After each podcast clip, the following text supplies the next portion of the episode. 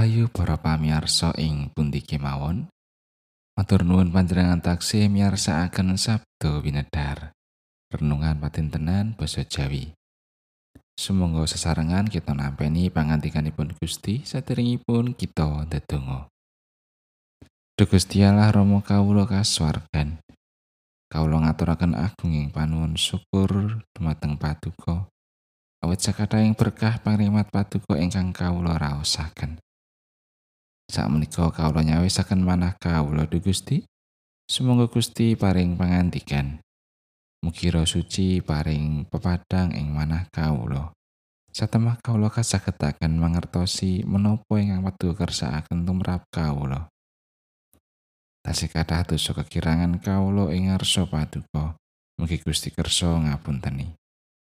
Sedaya panyuwunan pasambat kawula menika kawula aturaken linambaran asma dalem Gusti Yesus Kristus. Amin. Maosan kapendet saking Yoel bab kali ayatipun 18 dumugi songo likur. Pangeran Yewah dadi benter ing penggalih marga saka tanahe sarta welas asih marang umate. Pangeran Yewah banjur paring wangsulan lan ngandika marang umate. Lah sira bakal sun kintuni gandum, anggur lan lengo. Lan sira bakal mangan nganti warek. Ingsun ora bakal ndadekake sira dadi cacatan maneh ana ing antarane bangsa-bangsa. Kang teka saka ing lor bakal suneduhake saka ing sira. Lan bakal sun bucal menyang negara kang mati lan garing. Pucuk ing pabarisane sun cemplungake ing segara wetan. Lan petiting pabarisane ing segara kulon. Nuli mumbul ambune kang bacin lan gandane kang banger. Awit dene padha ngakoni prakara kang gedhe. He tanah aja wedi, surak-surak lan bungah-bungao. Sebab pangeran Yewah uga wis nindakake prakara kang gedhe. He satu kewan ing ora-ora, aja padha wedi. Dene pangonan ing ora-ora padha ijo royo-royo. Wit-witan padha metu wae. Wit anjir lan wit anggur padha menehake kasugihane. He bani Sion padha surak-surako lan padha bungah-bungao marga saka Pangeran Yewah Allahira.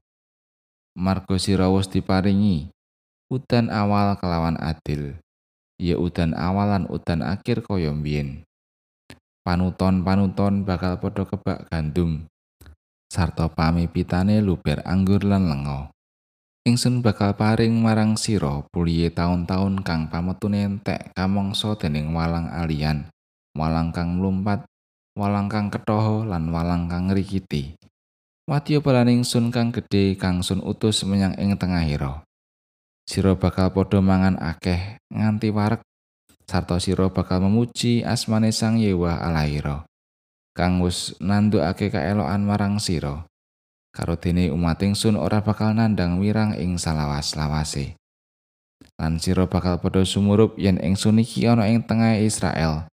Sarta yen ingsun iki Yehuwa Allahira, ora ana maneh kajaba ingsun. Lan umat ingsun bakal ora nandang wirang maneh ing salawas-lawase. Sawise mangkono bakal kelakon, ingsun bakal ngesokake roh ingsun marang manungsa kabeh.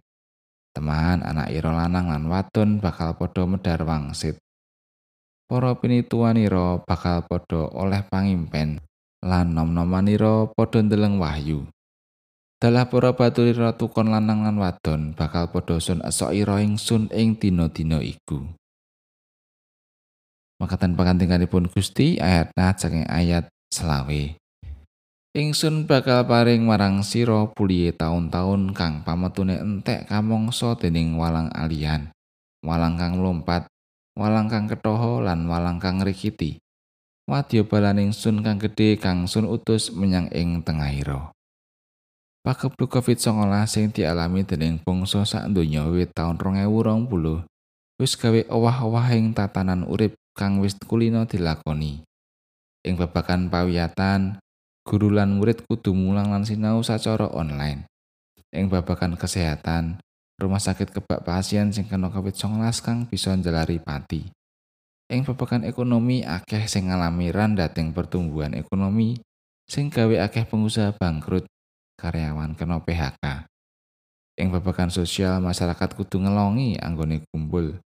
Mula rapat, kajatan, pagelaran seni lan liya-liyane ora bisa ditindakake kaya pakulinane. Ing babagan agama pangibadah kudu katindakake sacara online utawa mapan ana ing papan dununge dewi-dewi. Mestine saben wong uga kudu nindakake protokol kesehatan 5M. Yaiku wisuh nganggo sabun lan banyu mili, njaga jarak aman, nganggo masker, ngedoi pakumpulan lan ngelongi anggone lelungan. Watara rong taun ngalami kuwi kabeh bisa gawe ati lan diri kita was-was. Uga ana sawetara kang sedih amarga kelangan wong-wong sing kenalan ditresnani. Uga ana kang stres amarga kekurangan sabarang kang dibutuhake kanggo urip saben dinane.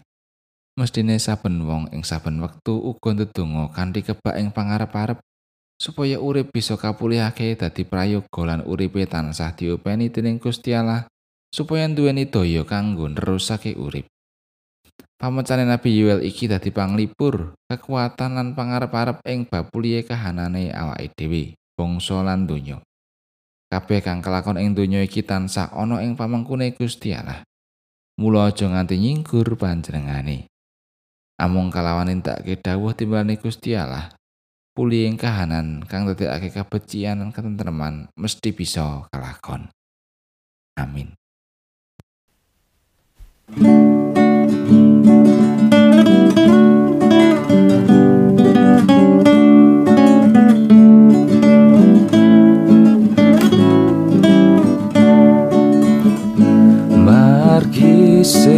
Paduka do Gusti pamarto tiang dosa kaluaran saking paukuman.